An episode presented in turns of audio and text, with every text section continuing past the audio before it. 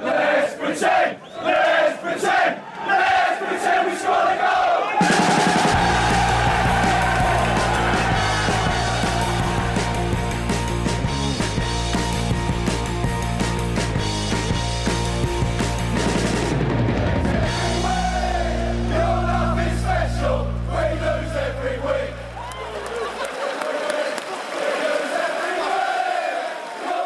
Hjärtligt välkomna hälsar vi då till Sportbladets Premier League-podd. Eh, mitt namn är Patrik Syk, tillbaks efter eh, lite julledighet. Eh, välförtjänt skulle jag vilja säga att den var, men det kanske andra får, får bedöma. Eh, ledig var jag i alla fall. Eh, det var inte ni, eh, Kalle Karlsson och Frida Fagerlund, ni kämpade på från era respektive hörn. Eh, det är jag tacksam för. Välkomna hit idag i alla fall. Det är eh, visst coronakaos i eh, Storbritannien och i England, Frida. Eh, vi såg en massa spelare borta från Manchester City igår, ikväll är det match och Southampton saknar spelare och det saknar spelare i stort sett varenda lag just nu. Eh, hur har ni det där borta egentligen?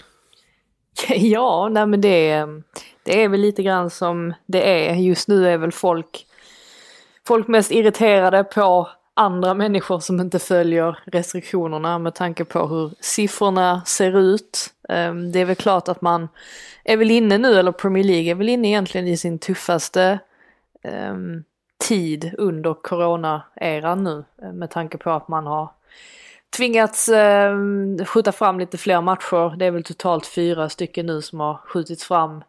Eh, alltså ambitionen är ju att kunna fullfölja säsongen. Men det kräver väl också då att spelare följer restriktionerna och är extra försiktiga, vilket inte alla har varit nu över jul och nyårshelgen. Men eh, förhoppningsvis så, visst det kommer andra matcher nu under veckan men ligan tar i alla fall lite paus nu så att, eh, efter ikväll så att förhoppningsvis så kan eh, man komma på banan igen så att man i alla fall kan se till att fullfölja säsongen för att det är ju det man vill just nu. Mm. Um, vi får väl börja med den matchen som spelades igår då. Manchester City som saknade fem spelare tror jag. Uh, bland annat målvakt och, och uh, sådär. Det hämmade liksom inte dem. Ehm, man tänker sig att man har fem spelare borta och så byter man ändå in Agüero och Mares i 85 minuten. Då har man inga problem med bredden. Det var något som jag noterade. En enormt stabil seger utav Manchester City som gör sin bästa match för säsongen och fortsatt kräftgång för, eh, för Chelsea, Kalle. Vad, eh, vad tog du med dig från den här matchen? Ja, vi kan väl börja ändan med Manchester City då. Vi hade ju en helt otrolig scenförvandling i första halvlek. Första kvarten var ju City som var otroligt slarvigt. Eh, Rodri tycker jag var sämst på plan första kvarten. Han var inte alls eh, med på banan. Slarvade, tappade bollar. Eh, var inte fokuserad kändes det som. Och eh, Chelsea som hade kommit rätt in i det och eh, City som hade svårt att få till det. Nu spelar ju de en, eh, en taktik som var ganska avancerad utan forward och de har gjort det förr, ja, men, men eh, det kändes inte som det, det klaffade riktigt i början. Men sen är det som att de, de har ett anfall där de sågar upp Chelsea och De Bruyne får avsluta utanför. Då har det gått ungefär en kvart. Och då var det som att de bara hittade nyckeln.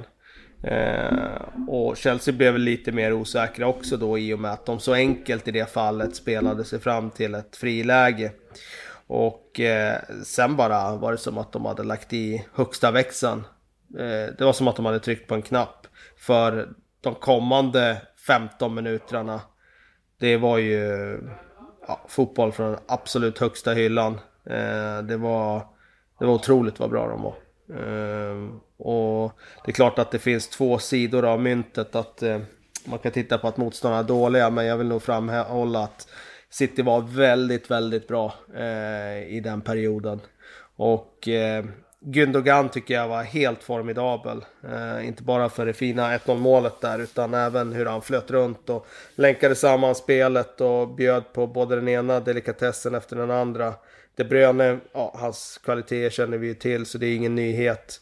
Nu spelar han i en lite ovan roll men han löste ju det helt otroligt bra också. Och mm, där såg man ju i den perioden också den där nyfunna stabiliteten defensivt. För de, släppte ju liksom inte till någonting för Chelseas del. De kom ju aldrig knappt över, liksom in mot eh, farliga ytor överhuvudtaget efter det, eh, Chelsea. Och det är ett väldigt, väldigt stabilt Manchester City med tanke på att de nu dels har fått till defensiven och dels ja, hittar den där typen av trygghet i sitt passningsspel som vi minns när de var som bäst. Kombinerat med att de faktiskt blev väldigt spetsiga framåt och skapade väldigt mycket.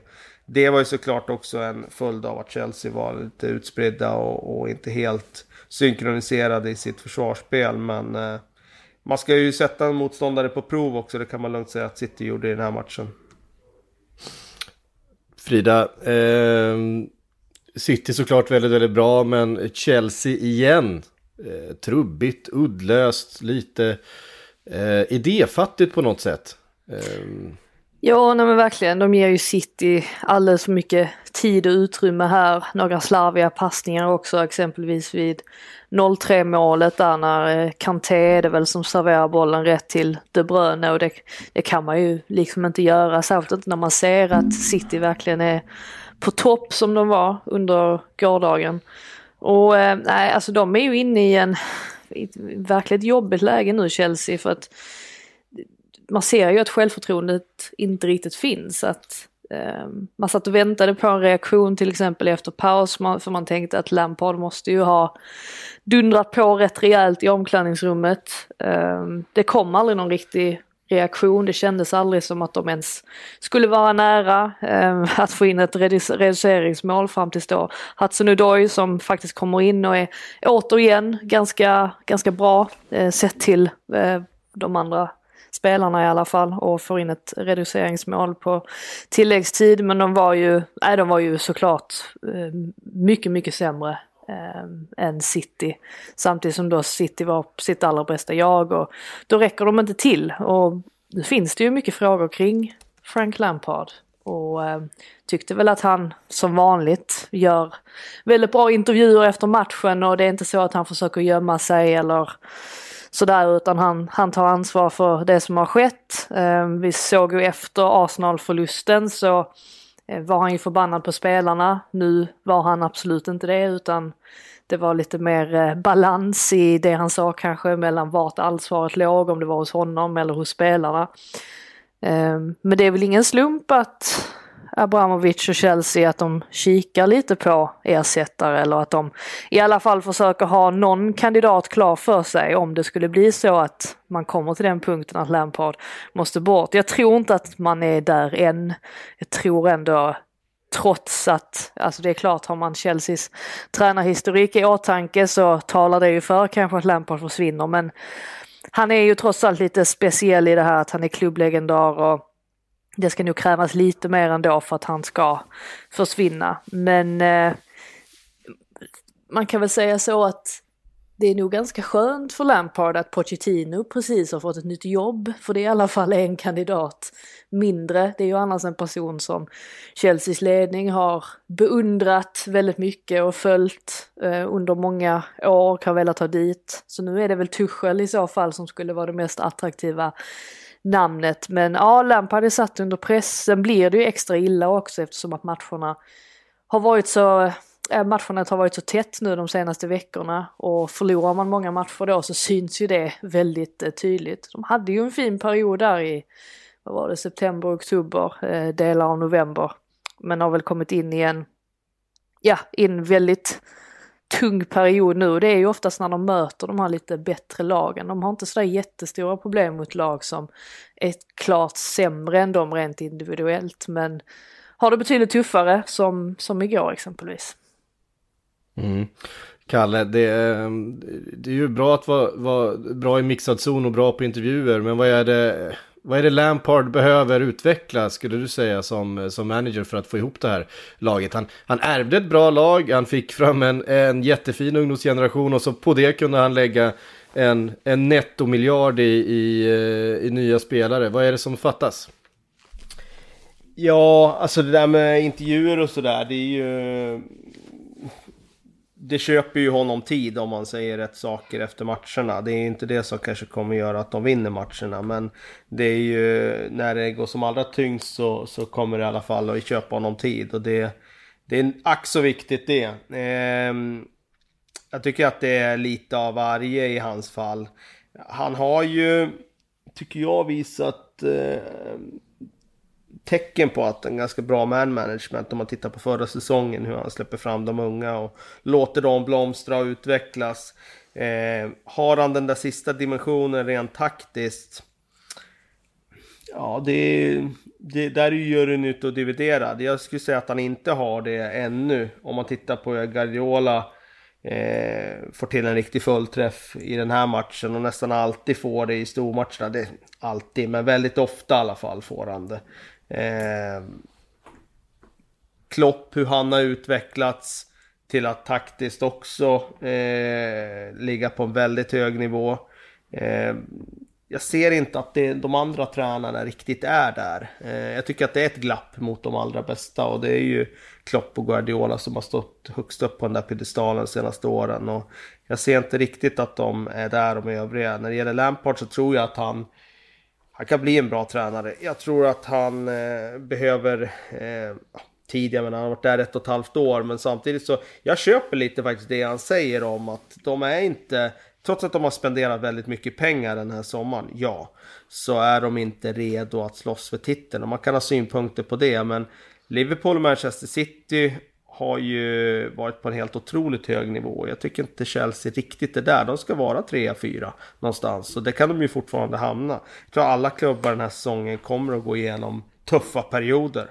Arsenal har haft sin tuffa period, Manchester United har haft sin tuffa period, Liverpool kan man argumentera har haft sin, så får vi se hur djup svackan blir. City hade ju sin tidigt under säsongen, eller några omgångar in. Jag tror att eh, de kommer att få ordning på det tillräckligt mycket för att han ska överleva säsongen ut och att det ska bli liksom en hedersam placering i tabellen. Jag ser inte att de bara ska rasa ihop till någon slags sjunde, åttonde plats. Sen får man väl också ha in i beräkningarna att ja, de har ju fått in många nya spelare och de har lagt mycket pengar på dem, men som Kai Havertz till exempel, va, han hann väl träna tre dagar med laget innan han gjorde sin första Premier League-match. Det har ju varit en väldigt speciell säsong på det sättet. Man ska väl inte urskulda det för mycket men det är väl klart att det kanske tar lite längre tid än vanligt också för nyförvärv att akklimatisera sig till ett nytt lag och inte minst ett nytt land och sådär. Ehm, så att Alltså för, för Chelseas skull är det nog det bästa att försöka tänka långsiktigt ändå för det kan ju gå, det kan ju gå så himla snabbt. Kolla nu bara på Arteta till exempel. Helt plötsligt har de tre raka segrar och det är inte lika många som tycker att han ska försvinna. Så att det, det är ju så också. Nej, det går fort. Ja, det går fort. precis. Nej, man får nog vara medveten om att det, det svänger mer nu än vad det har gjort tidigare. Eh, det är liksom känslan av att eh, alla kan slå alla på ett annat sätt i, i ligan nu. Det är bara att kolla hur jämnt det är i tabellen. Och skulle Chelsea bara sätta ihop tre raka segrar. Eh, och det var inte mycket som talar för att Arsenal skulle göra det för bara några veckor sedan. Men de har gjort det och fått till en jäkla fin kurva och skulle Chelsea få det då kommer eh, ja, då kommer nog eh, Lampard att vinna tillbaka en del förtroende. Jag tycker att det pendlar mer nu än vad det gjort någonsin just det här med tränar, liksom synen på tränaren. Det är liksom det kan vara helt diametral skillnad från ena veckan och så går det tre veckor till. Man har så höga krav ju. Det är ju som du säger att man, man tittar ju hela tiden på Guardiola och Klopp. Det, det är de det är de nivåerna man på något sätt eh, tycker att alla storklubbar ska hålla och dess tränare. Men inte ens Guardiola och Klopp är ju på sin högsta nivå alltid. Så att det är ju ett väldigt, eh, ja, det är, det är väldigt tufft, eh, en, en tuff eh, nivå att lägga ribban på rent generellt. Sen tycker jag det är intressant det här men man, man jämför, jag såg någon uträkning nu med att han har, Lampard har det tredje sämsta vinstprocenten som Chelsea manager mm. under Roman Abramovic-eran. Och det är klart, det är inte smickrande med tanke på att de har haft ganska många tränare under den här tiden och så vidare. Abraham Grant av alla människor är etta på den listan. Det säger väl någonting om sakernas tillstånd. Men det är ju också så här, det är svårt att jämföra år för år. Det är ju bara att konstatera, ligan är mycket jämnare nu. Det är inte lätt att åka till Southampton borta, det är inte lätt att åka till Wolverhampton borta. Och kanske lite enklare nu efter Jiménez skada, men tidigare har ju inte det varit någon enkel match. Alltså den typen av matcher som tidigare kanske har varit lite mer så här, ja men där åker man och hämtar poäng, Aston Villa borta och så vidare. Det finns inga sådana matcher om du tar från tabellen från plats 12 uppåt så tycker jag att det är det är tufft alltså. Är, och då är det svårt att jämföra vinster och poäng, antal och så vidare. Utan man får ju konstatera var man ligger någonstans i tabellen. Och visst, Chelsea nu lite lägre ner, men sätt ihop tre raka vinster så är de uppe där i toppen och, och skuggar igen. Så att, jag, tror jag tror att man ska vara lugn med att bara liksom kategoriskt döma ut den här märkliga säsongen. Eh, definitivt. Eh, det var som eh, min vän Oskar Kiske skrev på, eh, på Twitter. Ute 2020, Mikael Arteta. Inne 2021, Mikael Arteta. Eh, Eh, för Arsenal följde upp eh, sin fina seger mot Chelsea med en, en utklassning av Big Sams West Bromwich. West Bromwich som åkte på den andra storförlusten då i rad här. Big eh. Sam-effekten.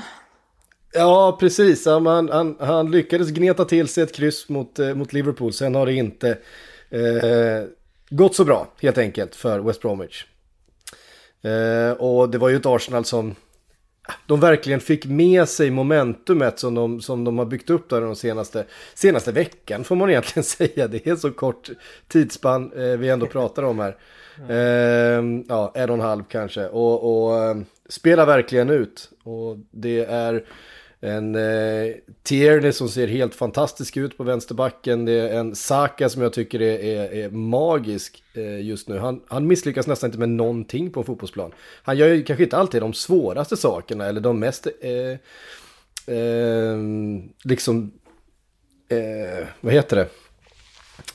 De, de ja. mest sevärda grejerna i varenda, i varenda moment. Men varje gång han, han liksom hårt uppvaktad får en svår passning till sig, får alltid ner den, hittar alltid en smart lösning på vart han ska göra av den. Och han fyllde liksom 19 i september. Eh, jag, tycker vi har, jag tycker vi har hypat Saka för lite den här säsongen. Oj, eh, nej, ja, men jag tycker att... ändå att vi, han är ju, tycker vi har nämnt honom varje vecka som en av de spelarna som faktiskt har burit det här laget ihop med Teni då och Gabriel när han spelade. Det är egentligen de tre spelarna som har stuckit ut. Eh, ja, och Leno också då som alltid är relativt stabil. Så att, ehm, men absolut, jag håller med. Det, Bukayo Saka, det säger väl ganska mycket om Arsenal också att en tonåring får det ansvaret så tätt inpå. och Nu har dessutom Emil Smith Rowe kommit in och också spelar fotboll på ett sätt som gör att jag tror särskilt Lacazette mår väldigt bra av. Eh, det har man sett tidigare att han trivs Um, han trivs när han har en tia, att kunna kombinera med en mer ordentlig tia och nu börjar han också vakna till liv och då är ju Arsenal ett väldigt bra lag. Jag tycker första halvlek är ju deras bästa um, den här säsongen, kanske till och med under Arteta. Och eh, det fanns ju ingenting som tydde på att West Brom skulle kunna vända på det. Och andra halvlek blir väl lite vad det, vad det blir sen där så verkar det svårspelat också med underlaget och snön. Får väl säga någonting också om tennis om liksom från eh, det här handla, den här matchen handlade ju om honom från uppvärmning till slut när han kliver ut i det är inte, ja, alltså jag vet inte om det var minusgrader, nollgradigt i alla fall i shorts och t-shirt, nerrullade strumpor och eh, liksom fryser inte ens för att det är väl, det blir väl så när man kommer från Skottland, man är lite mer hårdhudad än, än andra eh, personer då och sen också sättet han gör det här 1-0 målet på för att det var nog viktigt också för Arsenal att få in det och få Um, ja, alltså bara få, få ett kvitto på att man kan göra mål. För det har ju inte blivit jättemånga av den varan ändå. Och det var ju alltså, otroligt skickligt av honom från början till slut där att kunna sätta in den bollen och det syntes också hur mycket det betydde för honom eh, med tanke på hur han vrålade efter målet och, och firade med de andra. Och sen är det ju som att det blir lite proppen ur.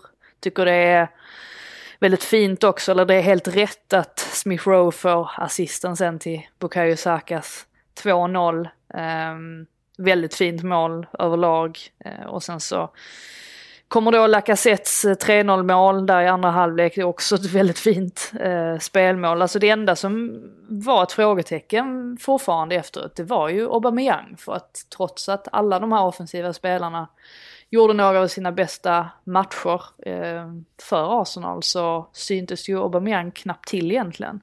Och eh, ja, alltså till, till nästa match, alltså man har ju sett Aubameyang som opetbar.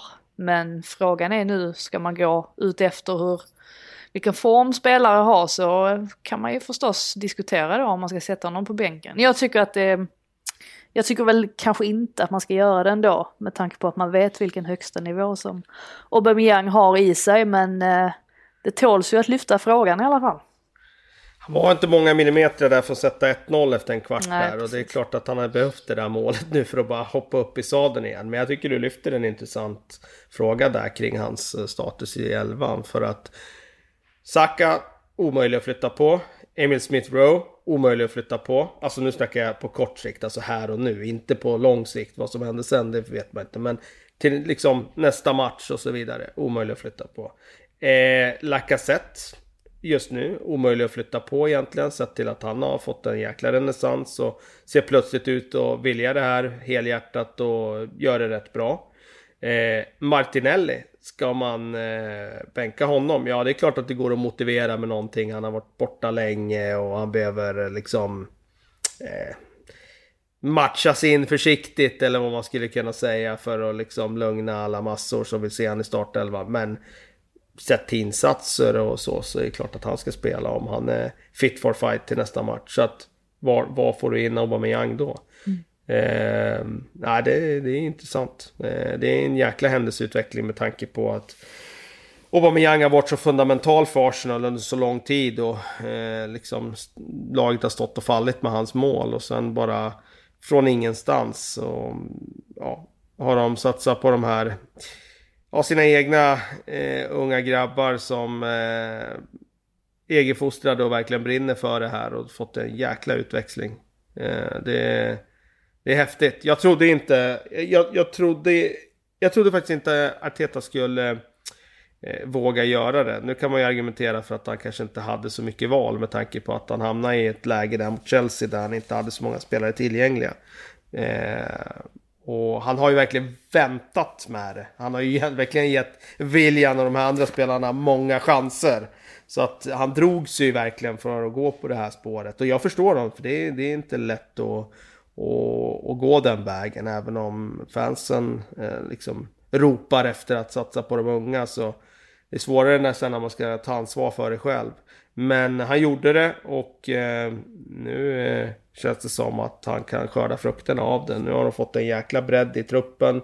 De har fått eh, en jäkla boost och det är också en signal till de här äldre spelarna att ska de spela så då gäller det att sätta fart på galoscherna och, och springa och kriga. Sen, får, det... ja, sen har jag ju hört, liksom, eller sett att folk har påpekat det här, vilka lag det är man har besegrat de senaste två matcherna i alla fall. Att det är Brighton och West Brom och att man alltså förväntas slå dem från första början. Ja, ju, Men man inledde ju trots allt med att besegra Chelsea på ett oerhört stabilt sätt. Det var ju inte flyt så tillvida utan det var ju för att man gjorde en, en väldigt bra insats och Brighton besegrade man ju inte ens förra säsongen. Så att med, med bakgrund av det så måste man ju ändå säga att de här tre matcherna har ju fört Arsenal i en helt annan riktning än man var för någon, någon vecka sedan bara. Det är ju helt otroligt egentligen hur, ja, på tal om det här att det kan gå snabbt i fotboll. En annan spelare som jag börjar gilla mer och mer fast att det är Eh, man känner på sig att han har någon sån här vansinnestackling eller rött kort eller så i sig. Det är ju Pablo Mari också. Jag vet att vi pratade om honom lite grann förra veckan. Men eh, jag tycker att det finns en, det finns en feist hos honom ändå på något sätt som Arsenal ändå behöver. Att han, han verkar lite, lite loco. Och eh, tycker att han ändå har klivit in och gjort det väldigt bra där i Gabriels frånvaro. Så att det ska bli intressant att se hur Arteta resonerar när han väl är tillbaka. För då har han ju lite att fundera på ändå, tycker jag. Han har fått angenäma problem nu verkligen. Mm. Och det tror jag i och för sig inte att han klagar över för att eh, det är så jäkla tätt och de kommer behöva en bred trupp här nu om de inte ska pendla i, i kvalitet vecka för vecka här. Så ja, det, det är ju en annan fråga. Ska Gabriel sen starta när han är tillbaka? Det är inte självklart sett i hur det har sett ut nu. Men det är klart, ser man över hela säsongen så har han ju varit en av de bättre spelarna i Arsenal, så är det ju. Mm. Ja, eh, vi eh, tror väl att det kommer rulla på lite grann för Arsenal framöver. Det ser ju i alla fall väldigt, väldigt intressant ut. Ja, men de har väl ganska bra schema ja, även fortsättningsvis, ja. sa vi inte det? Newcastle, det Palace, för... mm. ja, Newcastle, ja. Palace. Nej, först Nej, Palace precis. hemma, sen Newcastle, Newcastle två hemma. gånger ju. Newcastle ja. först i FA-cupen ja, och sen i ligan, just det. Så ja, precis. Mm. Sen, det var det vi konstaterade, sen går de på riktigt tufft schema. Mm. Southampton borta, United hemma, Wolves borta, Aston Villa borta, Leeds hemma, City hemma, Leicester borta. Så det gäller ju att de tar poängen nu, för sen kommer de ju komma in i en period med väldigt tufft schema. Mm. Och jag tror fortfarande att de kommer vara och pendla lite. Eh, i prestationen med det här unga laget. Men det känns ju otroligt spännande nu plötsligt. Från att eh, bara varit allt var becksvart och negativt till att eh, fansen verkligen känner framtidshopp nu. Mm.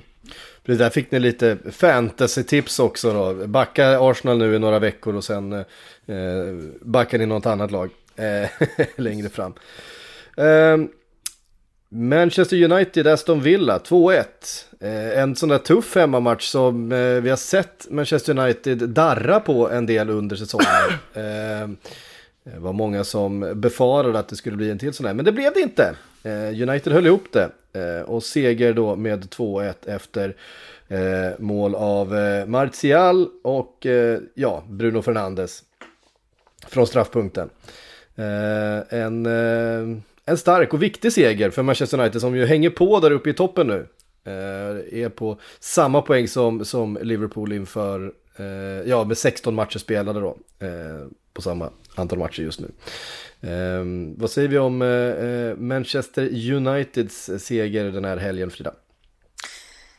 Nej men att det är en väldigt, väldigt stark seger såklart med tanke på att det var Aston Villa som stod för motståndet och enligt José Mourinho i alla fall så är det ju eh, det lag som eh, spelar roligast fotboll i Premier League. Det tycker han i alla fall. Um, nej men jag tar väl med mig egentligen, alltså det som är starkast i minnet just nu är ju Bagi när han täcker ett skott där i slutsekunderna och sen så när domaren blåser av så rusar alla spelare, spelarna fram mot honom. Um, det var, eh, jag tycker det är lite indikation också på vart Manchester United lite, alltså vad de har fått ihop. För det känns verkligen som att de trivs med att representera United på ett sätt som inte var lika märkbart för ett år sedan. Att Solskär i alla fall har fått ihop gruppen på ett sätt som eh, man får säga är, är imponerande. Och eh, det har ju kommit, och ju skrivits rätt mycket om det här med deras transferstrategi och sådär, hur de har lagt upp det nu, att de såklart försöker bryta det här mönstret som de har varit inne i tidigare med att det inte riktigt har fallit väl ut med sina nyförvärv och att ett av Solskjärs krav ska vara att man ska jämna ut lönegapet eh, i truppen och att han inte vill värva spelare som kommer tjäna mycket mer än alla andra. Och eh, det känns som att den typen av, det är väl klart att det skulle de väl ha kommit fram till för länge sedan egentligen att det kanske är en bra idé. Men eh, jag tycker ju att det ser ut som att Solskär eh, i alla fall har fått ihop ett kollektiv nu eh, på ett sätt som gör att man kan tänka sig att så länge de eh, håller sig på den här nivån prestationsmässigt så kommer de ju definitivt vara med där i, i toppskiktet säsongen ut. Mm. Eh, vi såg ett eh, mittbackspar då med eh, Maguire och Bailly som vi har sett några matcher nu. Det känns, eh, det känns stabilt. Det kommer kanske bli tufft för, eh, för Vigge att slå sig in där igen och peta Bailly när han är tillbaka från sin skada. Ja, alltså spela med Bailly och Maguire är lite som att äga en högriskaktie. Alltså du du vet att det kan gå åt helvete när som helst. Men, eh, alltså, uppsidan är också stor. För att de kompletterar ju varandra väldigt bra. Det är ju två fysiska spelare på olika sätt. Dels McGuire med sitt otroligt starka huvudspel och storlek och mycket presence. Medan eh, då har den här snabbheten som gör att eh, de får ju en dimension till i den backlinjen när de har en som kan matcha snabba forwards i djupled. Och Baye har ju, tycker jag, hela tiden i, under sin Manchester United-karriär. Vi minns ju hur han började jätte, jättebra under José Mourinho. Den första hösten där. Sen har han ju varit väldigt skadedrabbad.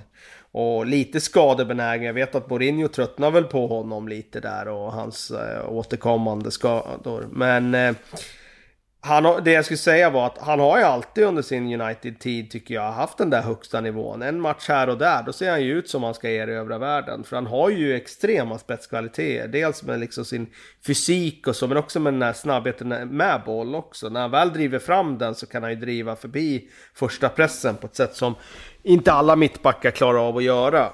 Sen kommer det ju alltid något sånt där litet hjärnsläpp här och där. Eh, och han har ju haft det under de här matcherna han har spelat nu också. Lite sådär koncentrationsmissar liksom här och där. Nu har ju inte det kostat laget någonting egentligen.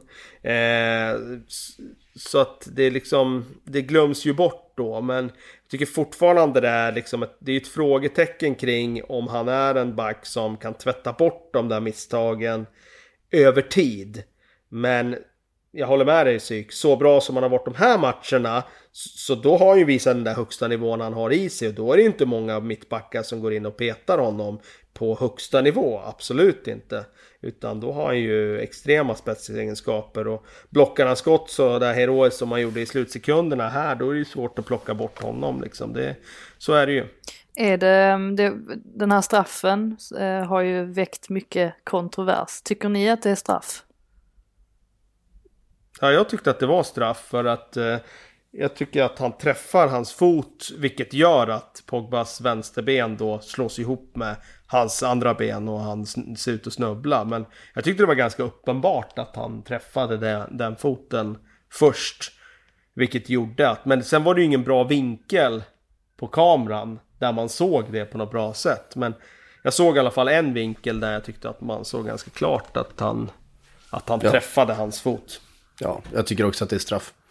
Eh, det, det, det, är ju inget uppsåt i, i eh, vem är det som, vilken villaspelare är det? Douglas Luiz va? Vad sa du? Douglas Luiz? Luiz. Oh. Eh, sådär, alltså det är ju, det är klart att det är att de, eh, men, men han träffar ju foten och det är det som får Pogba att falla. Så att det är väl inga konstigheter att det är straff. Alltså jag kan, jag kan nej jag, jag håller med, jag, jag var lite förvånad över att folk var så pass upprörda ändå. Men eh, sen kan jag ju köpa det här med att återigen hela den här diskussionen kring att det är för enkelt att få eller att man får straff för enkelt idag. Och äh, det kan man ja, väl... det håller jag med Ja men ja, precis. Äh, men det är ju inte riktigt, ska man gå efter regelboken så tyckte inte jag heller att det var något att bli sådär jätteupprörd över. Även om jag skulle vilja skriva om den där äh, regelboken. Men ja. Hur skulle du vilja skriva om den? Ja, men jag skulle egentligen vilja ha... Um, det är svårt också att bedöma men jag skulle ju jag, jag, tycker inte att det ska bli straff om det inte är en klar målchans. Ja, men om det är Aha, en klar, alltså okay. om... Ja, jag tycker helt enkelt att man ska inte kunna få straff så långt ut i straffområdet. Du vill minska straffområdet helt enkelt? Ja, det är det du säger? Ja, men det har vi varit inne på förut. Det, alltså straffområdet borde till att börja med inte vara en fyrkant. Det är ju helt ologiskt. Den borde ju vara eh, som, en, som, in, alltså. som inomhusplan. Alltså att den är, den är rund och har en en radie från, från målet helt enkelt. Det, är ju, det här är ju verkligen eh, revolutionära idéer. Ja men ni förstår ju, ni förstår ju vad man menar det här med att, med att, ja. alltså att straffar blir ju så otroligt utslagsgivande. Idag. Och ska man få straff för minsta lilla så att säga, för minsta lilla kontakt som är fel, alltså en, mm.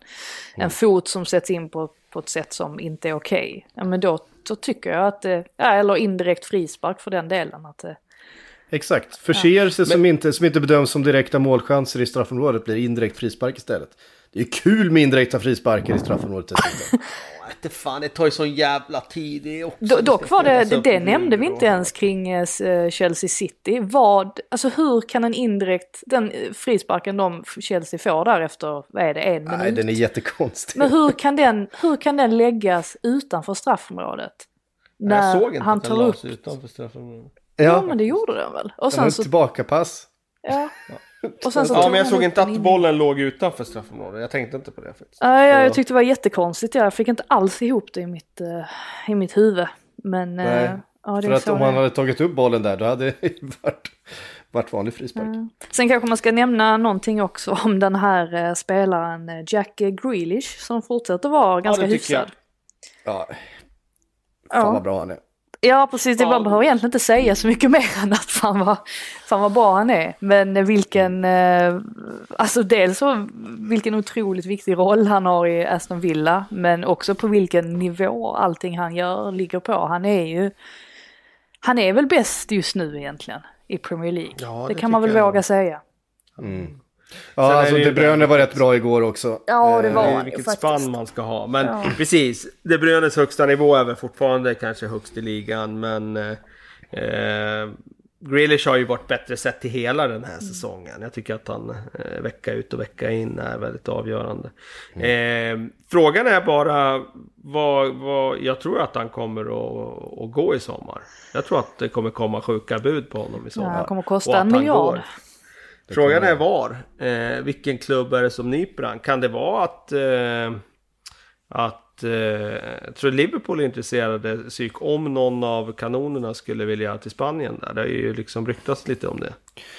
Eh, ja, det, jag tror säkert att de är, skulle vara intresserade. Eh, så jag tror däremot inte att, att eh, det kommer bli Liverpool han går till. Jag tror han kommer hamna i United. Men, eh, men visst, jag tror i och för sig, så som, så som Liverpool jobbar så, så kommer de eh, redan ha, ha bestämt sig. Alltså jag tror en sån som Jota till exempel är, är en del i att en eh, Mohamed Salah eller Sadio Mané försvinner nästa sommar. Eh, och att det kommer komma in någon ytterligare. Jag tror inte att det kommer vara en Jack Grealish för de brukar inte betala den typen av eh, pengar. I så fall så har de redan, alltså jag tror att de redan har siktet inställt på någon sen, sen tidigare. Så. och att, jag tror inte att den här säsongen kommer ändra deras plan som de redan har långsiktigt satt, sagt upp, eh, satt upp. Om det inte är så att den spelaren de tittar på eh, liksom, eh, faller av helt eh, från formen eller, eller skadar sig allvarligt eller något sånt där. Så tror jag att de, de brukar tänka lite långsiktigare än så. Tänk eh, Jack Grealish i eh, City också. Eh, nu vet jag ju att de kikar på en striker först och främst men eh, Mm. jag, tror inte att, jag tror inte att han hade, jag tror inte det hade varit fel att ha Han honom går in vart som helst. Han går in i vilket lag i världen som helst. Så är det ju bara. Just Och- nu är det så, absolut. Eh, Så att eh, det är klart att jag personligen som Liverpool-supporter hade inte haft någonting emot att se Jack Grealish i, i, i Liverpool nästa säsong. Det, det hade jag ju inte. Ehm, om vi eh, tar oss vidare därifrån då. Eh, Tottenham Leeds 3-0. Det var en match som passade Mourinho det här. Eh, att möta Bielsa. Det var två olika skolor kan man säga. På... Pragmatiken mot poeten. Ja, precis. Han har ju inte, Mourinho har ju faktiskt aldrig förlorat mot Bielsa. Nu har han visserligen mött honom främst med Real Madrid men det, det säger ju kanske någonting i alla fall om att det här är en match som passade. Ja men det, det är ju klart att en, ah, det, det, det är klart att en sån som Mourinho måste ju liksom passa allra bäst mot en, mot en som du säger, en romantiker, en poet, en idealist. eh, det finns ju inget som, det finns inget som passar Mourinho mer än att vara bara extra, extra mycket Mourinho. Även om det var ju ingen parkerad buss i, det här, eh, i den här matchen, eh, får man ändå säga. Så det ska väl sägas att alltså, inledningsvis så såg ju matchbilden ut precis så som man hade kunnat föreställa sig det. Men jag tycker väl någonstans att det är Leeds som... Alltså Leeds förlorar den här matchen mycket på egen hand också genom den typen av individuella misstag som Spurs då kunde utnyttja och har man då en duo eller en trio egentligen, alltså Kane och Son och Bergwijn där framme då, då är det tufft um, att försvara sig mot det. Och um, det är ju framförallt där Meliers uh, eh, miss när han eh, passar bollen helt snett till Harry Winks är det väl som får den. Och sen så in till Bergwijn som får med sig en straff då och sen är det ju lite grann kört därifrån. Och dessutom då när Alderweireld nickar in 3-0 direkt efter halvtid och det är väl Melier som trillar in med bollen i eget mål då också. Så ja, då blir det ju alldeles för tufft för dem. Så att det här var ju, jag förstår att Mourinho var nöjd med den här matchen. Han pratade om att de fortfarande måste förbättra sig men det fanns så många spelare i Tottenham som gjorde en genomgående väldigt bra match. Alltså alltifrån då Kane och Son givetvis som har ju helt sjuka facit nu ju. Ehm, men även Höjbjerg och Winks då som många var lite förvånade över fick chansen där, Winks menar jag ju då såklart. Ehm, men tyckte att de höll upp mittfältet väldigt bra. Sen var försvarsspelet också bra, det är väl bara Dorothy som dessutom då drog på sig en utvisning sent som fortfarande är lite av ett frågetecken. Han har inte övertygat helt än så länge. Uh, verkar fortfarande lite skakig så att det, men, men totalt sett så en, en väldigt, väldigt bra eftermiddag för Tottenham och uh, ja, alltså en mindre bra eftermiddag för, för Leeds men det är väl lite det här vi får ta också med Leeds att ja, de vinner en match med 5-0 och sen så nästa match förlorar de mot ett bra lag då med med 0-3. Ehm, det är nog lite så det kommer att se ut för dem under säsongen. Har ni inte gjort lite väl många tavlor där bak i Leedskassen?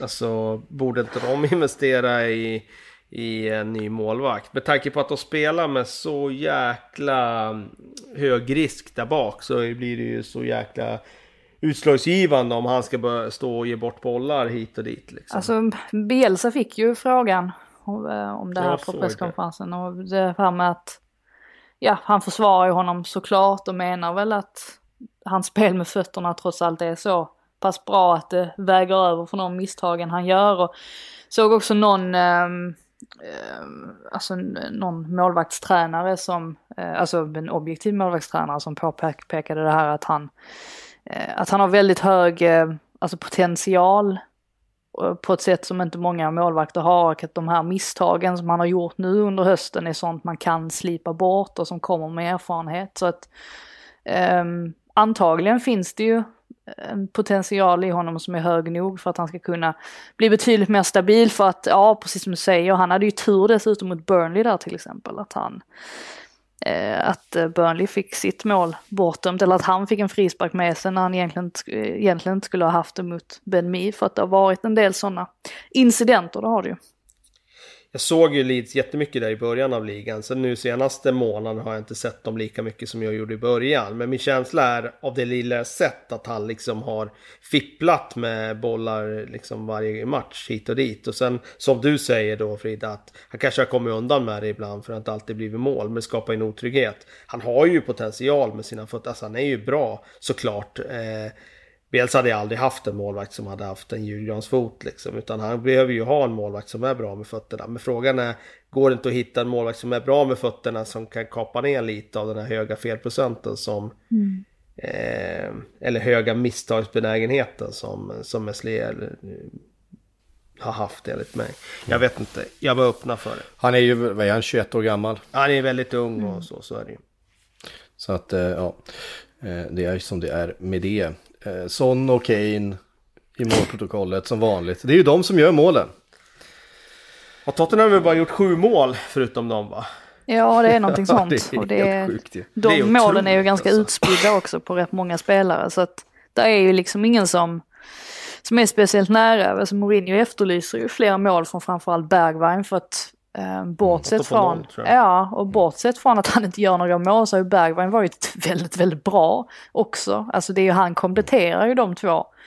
Eh, ja, alltså på ett väldigt effektivt sätt och det är ju faktiskt trots allt han som får med sig straffen där också vid 1-0. Men Mourinho inser att man kan inte leva på Son och Kane eh, sådär länge. Det fanns ju ett ögonblick i matchen också när både Kane och Son, Son eh, föll ihop på planen samtidigt och såg skadade ut och det var väl ett sånt Ja, där ögonblick där.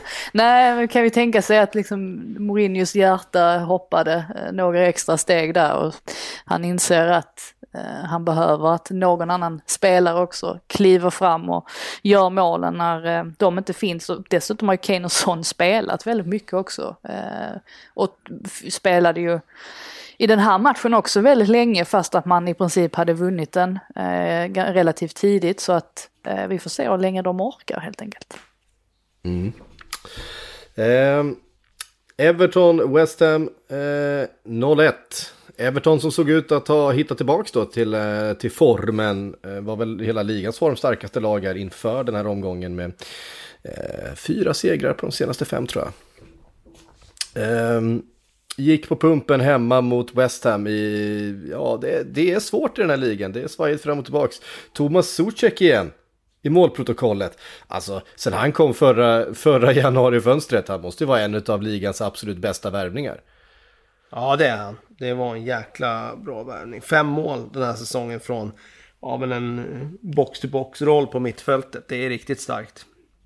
Ja, inte, och inte bara det att han gör mål, han är ju, han är ju otroligt viktig. Han och Declan Rice är ett eh, svårforcerat centralt mittfält verkligen. Ja, verkligen. Eh, stora starka, att de grävde upp honom i Slavia Prag, var det så? Ja, jag tror det. Något sånt. Eh, imponerande. Men vad säger vi om Everton? Har ju dragits med en del skador. Eh, James var väl eh, tillbaka på bänken. Eh, I alla fall, kom in eh, i slutet på matchen. Men eh, ja, de, de saknar en del från den där fina eh, formen de visade i början. Eh, Calvert Lewin igen då mållös. Vad, vad, vad säger vi om, om Everton till att börja med?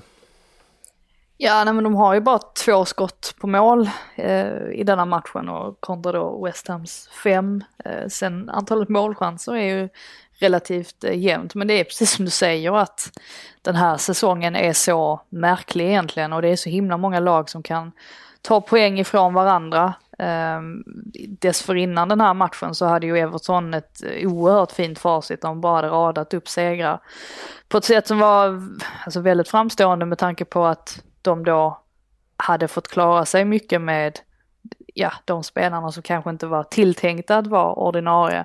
Och så nu har de fått tillbaka några så att eh, så det är ingen fara på taket för, för Evertons del egentligen. De är ju trots allt fortsatt med där uppe. Vad ligger de? Det är ju så otroligt många lag som dels ligger på 29 Sexa poäng. Ja, och sen så precis under där, alla som ligger på 26 poäng. Det är också en hel drös. Så att det är oerhört tätt alltså. Ja, det är verkligen. häftigt. Det är ju sådana här tabeller man har eh, tänkt på back, ja, liksom i 15 års tid att man har saknat.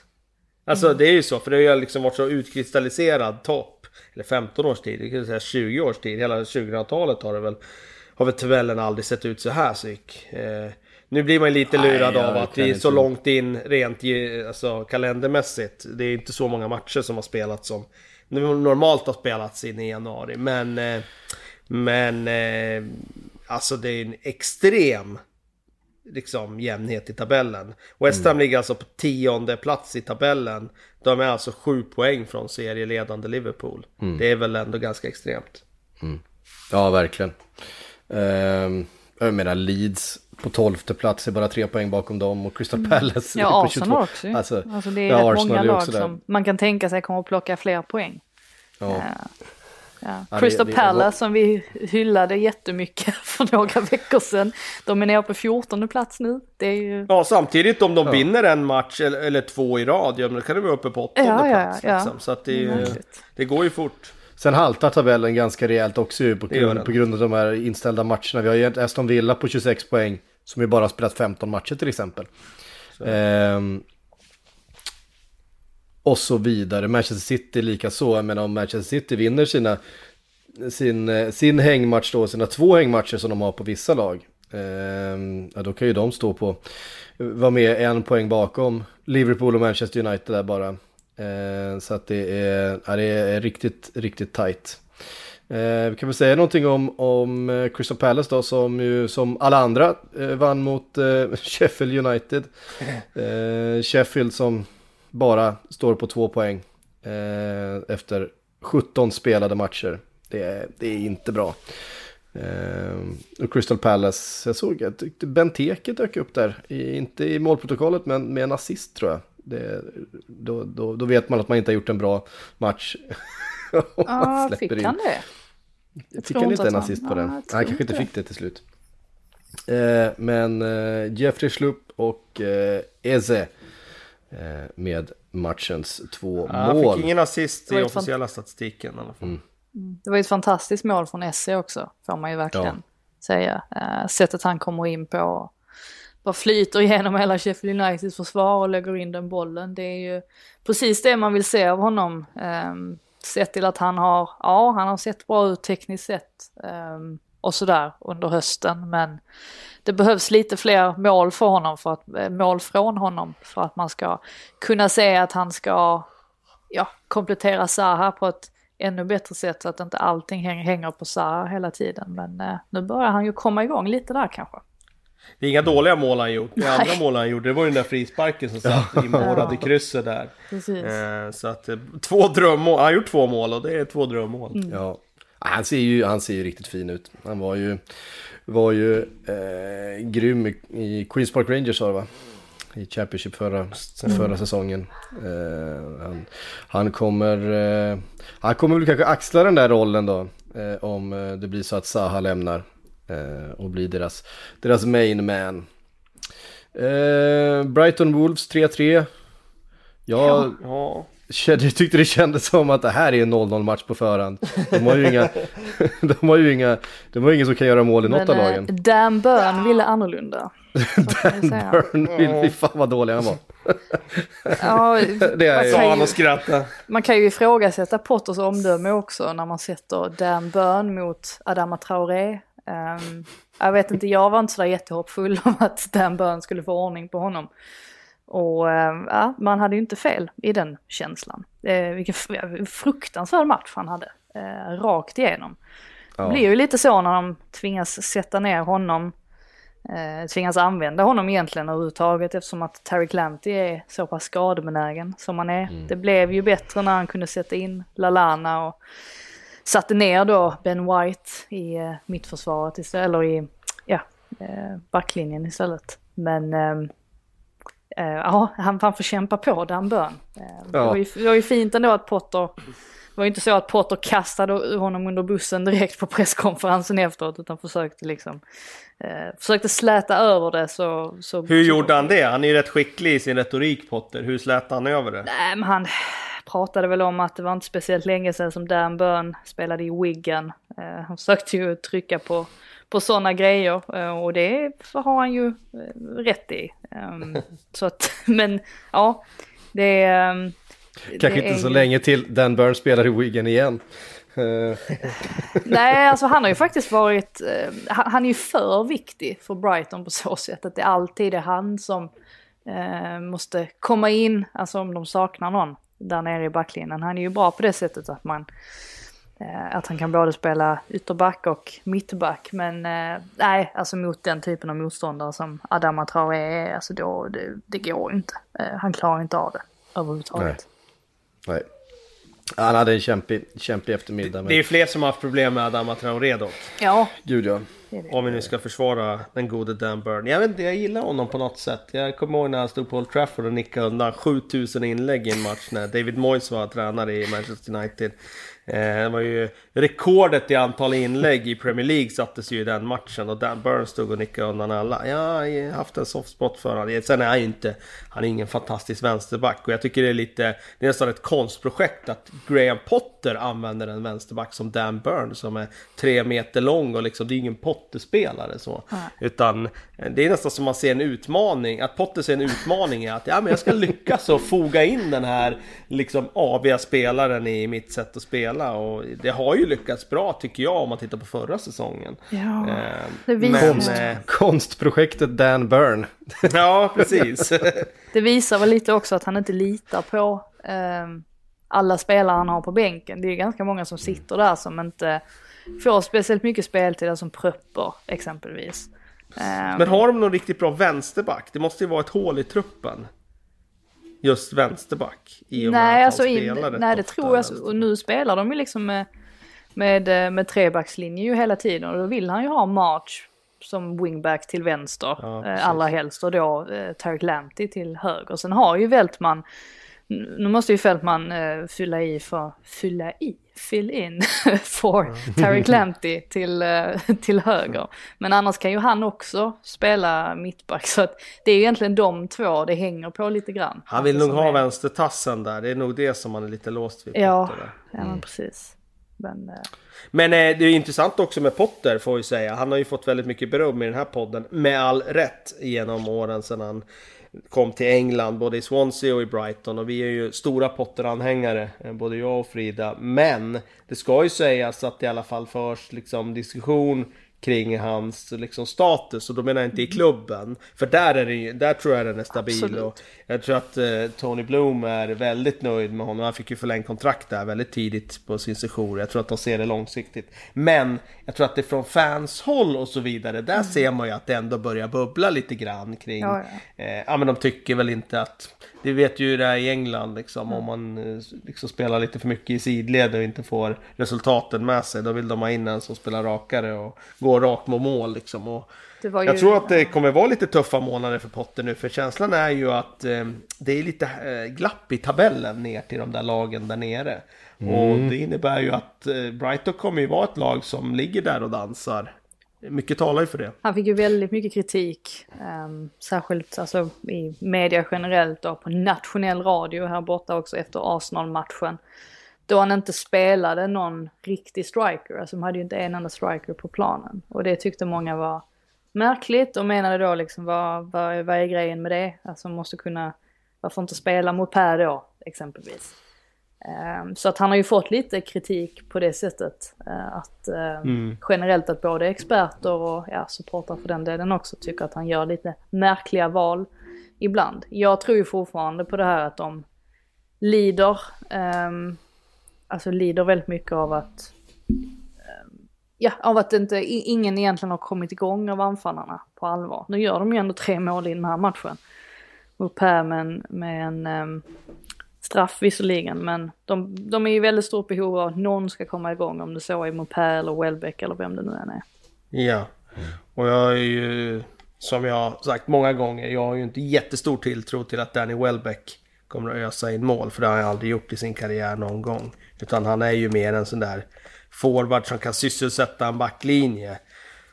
Men att han skulle börja ösa in mål nu på ålderns höst. Killen är 30 år och han har väl inte gjort... Han har gjort mer än fem mål någon säsong. Jag går igenom här nu. Han gjorde... Åh oh shit, han gjorde... Ja, vi är tillbaka på 2011-12. Då startade i Manchester United. Det gjorde han 9. Och eh, 2013-14 gjorde han också 9. Men han har aldrig gjort double figures eh, under hela sin liksom, Premier League-karriär. Och då har han ändå spelat för Manchester United och Arsenal många av de säsongerna. Och det är väl inte då jättebra facit. Nej, jag säger det. Brighton borde kliva in på Origi. Det... Han hade öst för dem. Fast, ja. Ja, det skulle inte bli sämre. Det skulle det inte bli. Men frågan är han eh, lösningen? Han gör mål. Han gör mål. I rätt, eh, i rätt miljö så, kom, så, så gör han mål på, Ja, på allt och alla. det. Ehm, eh, säga någonting också om, vi har en match kvar där vi inte har pratat om, eh, nämligen eh, Newcastle-Leicester 1-2. Leicester fortsätter att hänga med där i toppen. Eh, Det var en poäng bakom första Liverpool 45 United. minuter. Ja, förlåt. Nej, det var, det var... Eh, det var som någon skrev här i en, i en chatt jag var med. Det här är, det här är Sverige-Turkiet 2000 kvalitet. Alltså Ja, EM då är det inte 00. bra. Eh, blev väl utsedd, utsedd till, till eh, sämsta matchen överhuvudtaget det året tror jag. Eh, I någon slags eh, under, undersökning. Eh, och det här eh, var enligt min, min eh, polare på samma nivå i underhållningsvärde. Eh, sen kom det väl igång lite i, i andra halvlek och målet av Andy Carroll. Hans första i Newcastle-tröjan sen annandagen 2010. Ja, alltså jag la märke till, eller jag, alltså när Newcastle mötte Manchester City för några veckor sedan, då kom ju det på tal om att åh, det här kan ju bli, eh, alltså eftersom att match, det laget de mötte på Boxing Day 2010 var Manchester City och så fanns det en viss då, um, ja, um, Tio år senare. symbolik att det skulle, ja men precis, att målet skulle komma då. Men då vet jag att jag läste det och sen så fick jag läsa det tre gånger igen för jag tänkte, har han inte gjort mål sen han kom tillbaka till Newcastle? För att det känns som att han har gjort det. Men det är väl snarare att han har jobbat fram lite straffar och sådana där som man själv inte har konverterat sen. Som gör att, det ändå, att man ändå tror att han har gjort något mål. Men det var ju skönt för honom kanske då att han fick, äntligen fick, eh, fick göra mål igen. Han har ju dock inte rekordet såg jag i eh, den spelare som har eh, Alltså det, det, det, senaste kontra det nyaste målet från Premier League-klubb, det är ju Wayne Rooney som har det i Everton. Det gick 13 ja, år mellan att han gjorde sitt ja vad säger man, senaste mellan, me, me, ja. mellan två mål. Ja, precis. Ja. Eh, ja, men eh, jag tror att han hade hellre tagit en, en poäng eller tre i den här matchen. Eh, Newcastle sladdar lite grann då från det där gänget på mitten, ligger på, på 19 poäng. Det är väl ingen, ingen fara neråt direkt skulle jag väl eh, hävda, men eh, sladdar lite Steve Bruce gäng. Ser inte så så giftiga ut som eh, många av de andra eh, lagen där på Han, han tycker det ändå själv, den kära Steve Bruce. Ja, alltså jag har inte det, hört det honom sitta på, jag har inte hört honom sitta på en enda presskonferens och inte säga att de var unlucky. Och att de hade kunnat vinna matchen. Och eh, ja, absolut, alltså han ska ha cred för den optimismen. Men eh, jag vet ju många supportrar som börjar bli oroliga och tycker liksom att men han måste väl kunna se det alla andra ser. Men eh, nej, han har skygglapparna på. Mm. Eh, vi tar lite frågor eh, innan vi knyter ihop. Här har vi fått en från Anton. Han skriver, hade varit intressant att höra Kalle prata om för och nackdelar med zonmarkering kontra man-man-markering. Eh, är ej så eh, taktiskt kunnig, men min känsla är att eh, United hade varit bättre på att försvara fast situationer utan zonmarkering. Mm. Vad är din eh, take? Ja, alltså fördelen kontra nackdelen är ju ganska given. Att eh, om du står i zoner med alla dina spelare så, så kommer du ju ha svårare om du står still i din zon. Och det kommer en riktigt stark huvudspelare, nu tar jag extremfallet då, Andy Carroll eller van Dijk kommer med fart och hoppar in eh, utan att någon har stoppat upp farten på den spelaren och hoppar in i den zonen, bollen kommer där, då är det extremt svårt att stoppa Eh, genom att stå still i sin zon och stå och studsa på, på, på en plätt och bara hoppa upp och vinna mot dem i i nickduell. Eh, markerar du så är ju fördelen att du då kan försöka stoppa upp farten på van Dijk. Han kanske kommer fram ändå men du kanske kan ge honom en liten knuff så han tappar balansen lite i ögonblicket när han ska nicka. Nackdelen med markering är ju att du kan bli blockad. Eh, dels att du kan bli blockad av en som screenar dig och sen eh, får van Dijk i alla fall löpa fritt och så står du inte i zonen heller. Eh, nackdelen kan ju också vara att du bara dras bort. Att motståndarna lurar dig. Att den spelaren som du markerar kan ju vara en stark huvudspelare, gå in med flera spelare så kanske du bara backar ur straffområdet. Då har du offrat en av dina bästa huvudspelare på att du har markerat någon som i alla fall inte gick in i någon farlig yta. Så det finns för och nackdelar, det finns inget facit och det är det som gör fotbollen så fascinerande just att det finns inget facit vad som är bäst. Och om man liksom, tittar... Oavsett om spelsätt eller fasta situationer. Men man får ju bedöma utifrån vad man har för lag. Har man ett lag med väldigt kortväxta spelare så har ju de väldigt svårt att vinna i dueller, bara stå i zon och nicka. Då kanske man behöver markera lite mer. Har man däremot ett lag med väldigt bra huvudspelare, eh, många långa Dan Burns, ja men då är det ju bara att stå i dina zoner. För då kommer du förmodligen vinna de bollarna när de kommer in där i alla fall. Mm. Jag såg i Uniteds fall så har de väl sex man i zon och fyra som markerar. Det är ganska vanligt att man har en kombination och det det är väl kanske någon extra zonspelare jämfört med andra lag. Men man brukar väl ligga på 4-5 zonspelare och sen resten markering i standardfallet. Och de är inte jättelångt därifrån United. De har 6-4 och det, ja, det är någon extra zonspelare. Men jag tror... Det är svårt det där att och säga vad som är optimala för varje lag. Då behöver man studera truppen och studera laget mer noggrant. Och... Känns ändå som att United med liksom Maguire, eh, Baji när han spelar och McTominay, Pogba och så vidare har ganska Ja, goda längd. förutsättningar för att spela ett zonförsvar. Att de, de kan vinna en, en nickduell även, även stående i sin zon. Ehm, Ja, alltså som, som McGuire till exempel är väldigt tacksam att ha på den här mittytan där. Som är den allra farligaste liksom för att ja, han kommer inte förlora så många bollar där. Han vill ju inte ha i markering för då finns det ju risk att motståndarna bara drar bort honom från en farlig zon och så har du har du inte din bästa huvudspelare där, där bollen kanske hamnar. Eh, sen är det där, det är inte bara längd heller. Pogba har ju, bra längd. Och det är klart att han kan vinna en nickduell här och där. Men han kan ju också göra den där sortens misstag i just i defensivt straff- straffområde där han sl- slumrar till lite när det kommer in löpningar bakom ryggen eller framför honom eller så Det vidare. har vi sett. Det har vi sett både en och två gånger och... ehm, så att... Eh, ah, ja, ja, de, är, de har goda förutsättningar för att vara bra på fasta men de skulle kunna göra det betydligt bättre, ja. Eh, Robin skriver så här. Är Adama Traoré ligans överlägset mest överskattade spelare? Fråga Dan Burn vad han tycker om det. Överskattade spelare? Ja, alltså jag antar att det grundas på att han inte har kommit upp i den nivån den här säsongen som han var i, eller som vi såg honom vara i förra säsongen. Det är väl över ett år sedan nu också han gjorde mål, senast i Premier League dessutom.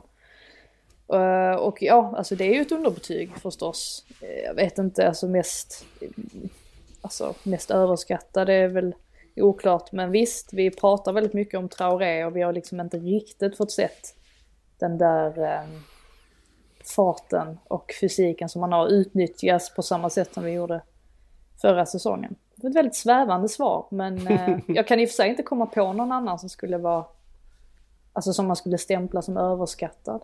Eh, inte så här på rak arm i alla fall.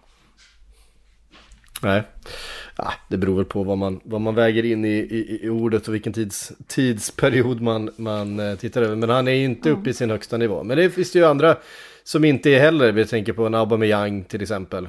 Eh, som ju ska vara en av ligans absolut bästa strikers. Men inte är det just nu. Eh, vi har fått en fråga från, eh, eller vi har fått en, eh, en liten uppmaning från Thomas Nygren här. Idag fyller James Milner 35 år.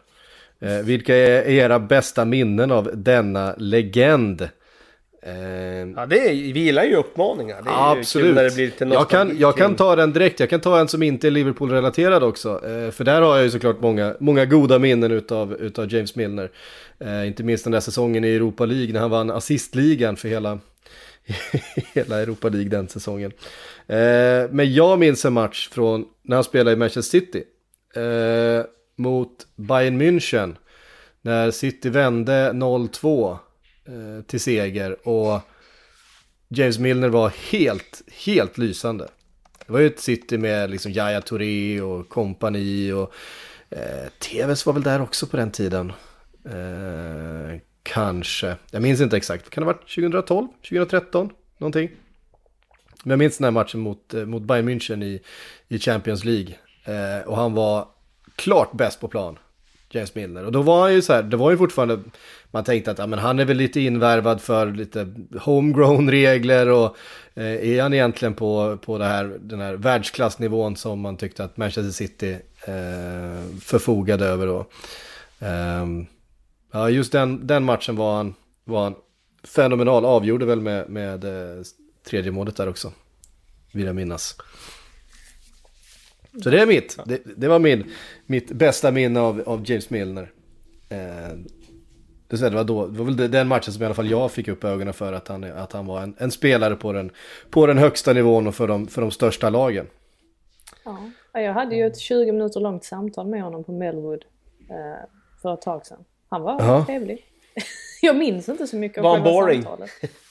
ja, det, alltså, jag, det enda jag minns var att han var trevlig men han stack ju inte ut på något sätt. Han var ju inte någon Andy Robertson till exempel som är mer skojig av sig.